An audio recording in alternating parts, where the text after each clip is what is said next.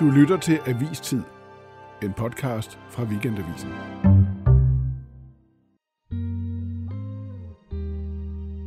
Så har vi været hos Hendes Majestæt Dronning og præsenteret Danmarks øh, tre nye minister, hvoraf to vil være øh, velkendte for mange. Øh, Nick Hækkerup har meddelt, at han stopper i politik. Hans Mortensen. Lytterne kan sikkert gætte, hvorfor jeg har heddet dig væk fra dit arbejde for at deltage i en helt ekstraordinær udgave af Avistid. Og med jeg mener jeg Claus Vivel, Jeg er redaktionschef her på bladet, og jeg vikarierer for den ferieramte Martin Krasnik.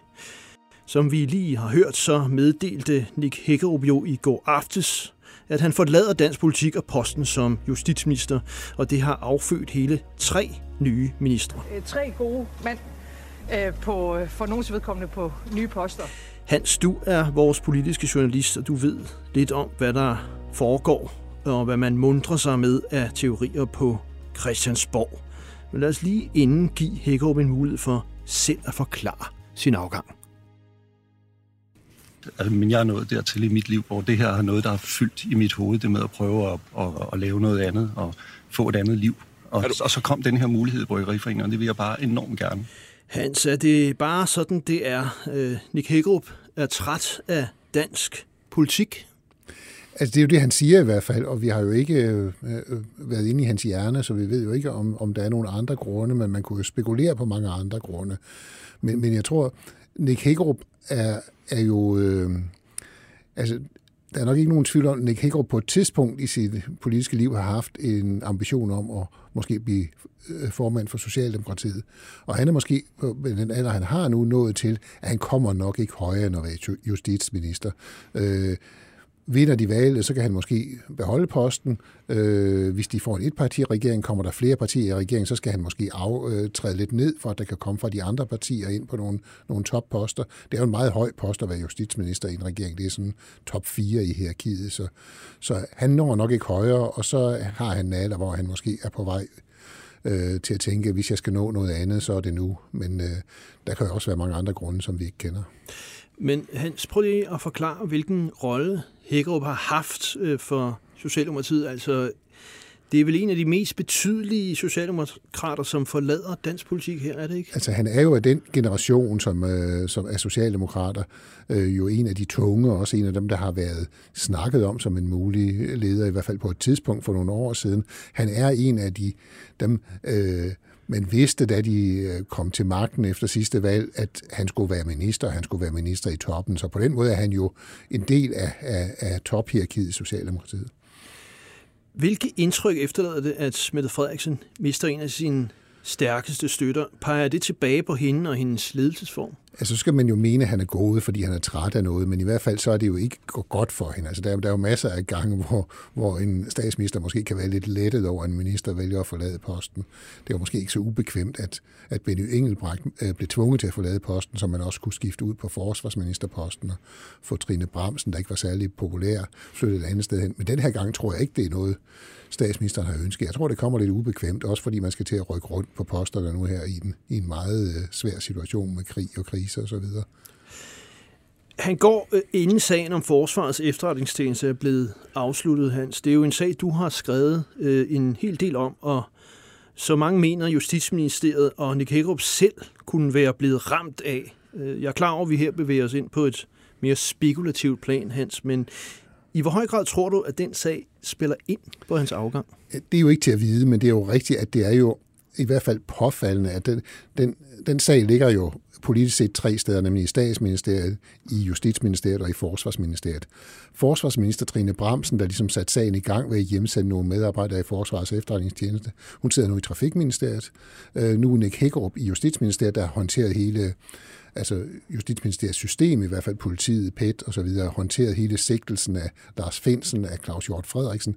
Han går også. Så de to ministre, som meget af pilen peger på, hvis det her ender som en politisk skandale, de er nu andet steds. Øh, Så det er da påfaldende, men indtil vi, vi har noget dokumentation for, for andet, så er det jo også kun påfaldende. Men det betyder vel egentlig, at øh, pilen nu peger øh, ja, udelukkende på Mette Frederiksen og Barbara Bertelsen, hendes departementchef? Jamen det gør det da, og det, det har pilen jo gjort på en måde længe, fordi øh, altså alt tyder jo på, og alt hvad man kan få at vide om den sag, og det er jo ikke særlig meget, man kan få at vide, men man, man kan støve lidt op hist og pist, det er jo, at det er jo, at statsministeriet har spillet en central rolle, i hvert fald i hjemsendelsen af de fem medarbejdere for, for efterhånden et par år siden. Øh, I sigtelser og så videre er det jo, ved vi jo ikke, hvad der er sket, men, men, men altså man sigter ikke øh, en chef for efterretningstjenesten, en tidligere minister, fremtrædende minister øh, og medlem af oppositionen, uden at der på en eller anden måde har været vendt øh, politisk. Så, så det peger da på, på, på regeringen, og nu peger det jo meget på statsministeren. Okay, Hans, vi skal også lige øh, vende øh, den, den mand, der nu overtager fra øh, Nick Hækkerup. Det er jo Mathias Tesfaye.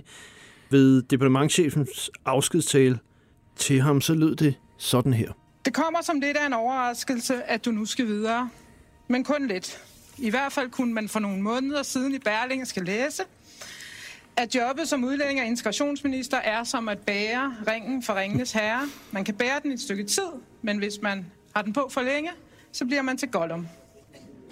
Jeg håber, at du synes, at ringen er kommet af i tide. Ringens Herre, det er jo en hæftig sammenligning, må man sige. Øhm, Tesfaye har jo sagt flere gange, at udlænding- og integrationsministerposten, det, den er opslidende, og man skal ikke blive der for længe, det hørte vi også her. Kan det være medvirkende til, at Mette Frederiksen har flyttet ham til øh, Justitsministeriet?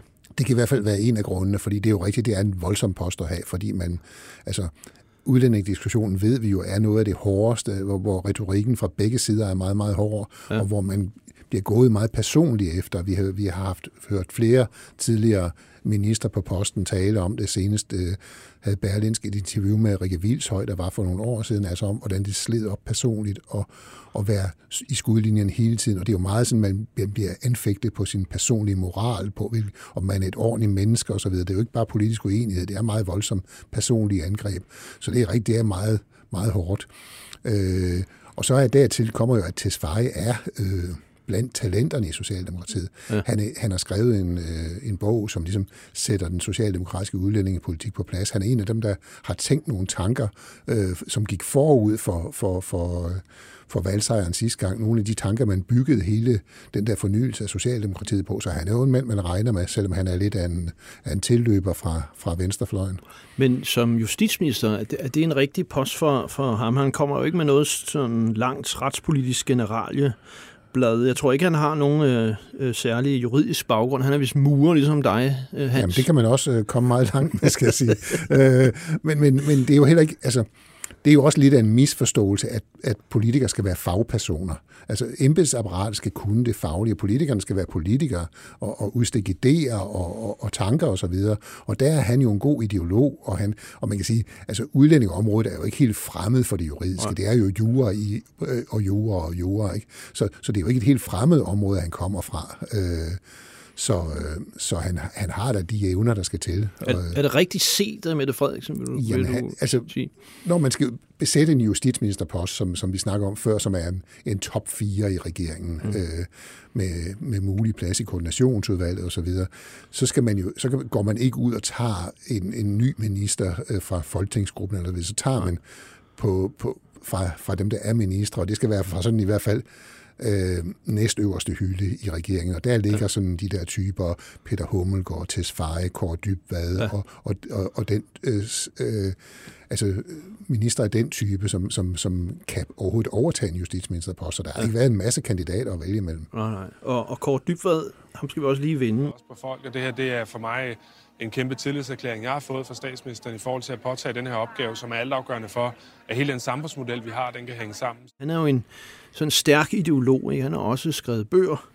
Øh, og nu skal han så sætte sig i den mest upopulære ministerstol som udlænding og integrationsminister. Han ifører sig så at sige den magtfulde og grofulde ring.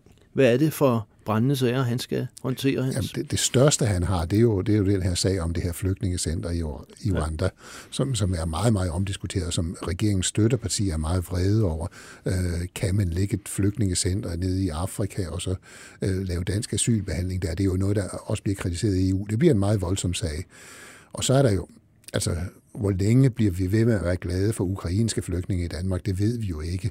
Øh, hvornår begynder det også at blive upopulært, om man skal stå på mål for det? Og så er der jo hele øh, slår Ukraine-krisen om en fødevarekrise i Mellemøsten med ja. store flygtningestrømme, så der bliver nok at se til. Tror du, han kan gøre det øh, lige så godt som Tesfaye? Det er, jo, det er jo almen kendt, at Tesfaye har gjort det godt, i hvert fald i regeringen, det mener man der, men han har jo også Kåre Dybvad i sådan et polemisk væsen. Kan det gå stå i vejen for ham?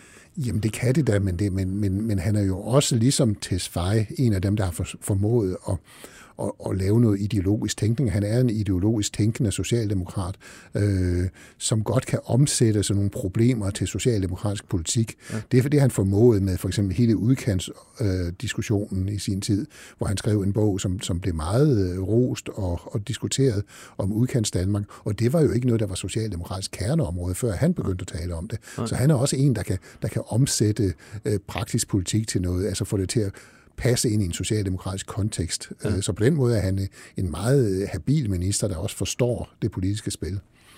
Og hans ministerium overtager, overtages af sådan en lidt mere ukendt øh, socialdemokrat, altså Christian Rabier Madsen. Der står jo indrigs- og boligminister på skiltet ved døren. Jeg mener, at det er ministeriet for forsamlingskraft. Hvem er han? Jamen, han har været øh, politisk ordfører i Socialdemokratiet her på det seneste. Ja. Og han er øh, en af dem, man nok har talt om på et tidspunkt skulle være minister. Ja.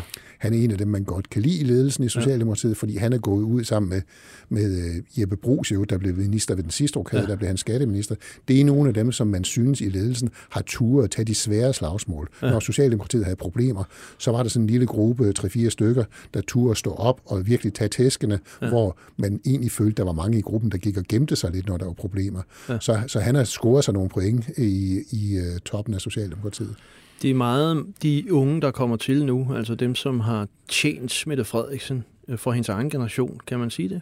Ja, det kan man godt. Altså, ja. hun, øh, hun omgiver sig med folk, hun stoler på, og, ja. og, og, øh, og, og øh, hun sætter sit eget hold, og sætter mere og mere sit eget hold, og øh, hun er jo, øh, altså hun er jo en af de mest ubestridte ledere af Socialdemokratiet. Der har jo været ja. fløje og kampe, og altid nogen, der synes, at en anden formand var bedre end den formand, der var. Ja. Og det kan man i hvert fald sige om Mette Frederiksen. Hun har formået at sætte sig på stolen, ja. og der er ikke diskussion i Socialdemokratiet om, hvem der er partiets formand i øjeblikket. Hvis man skal kigge lidt fremad, så øh, hvor, hvor stiller øh, Nick Hækkerups afgang regeringen? Står den sværere nu, end den gjorde i lørdags?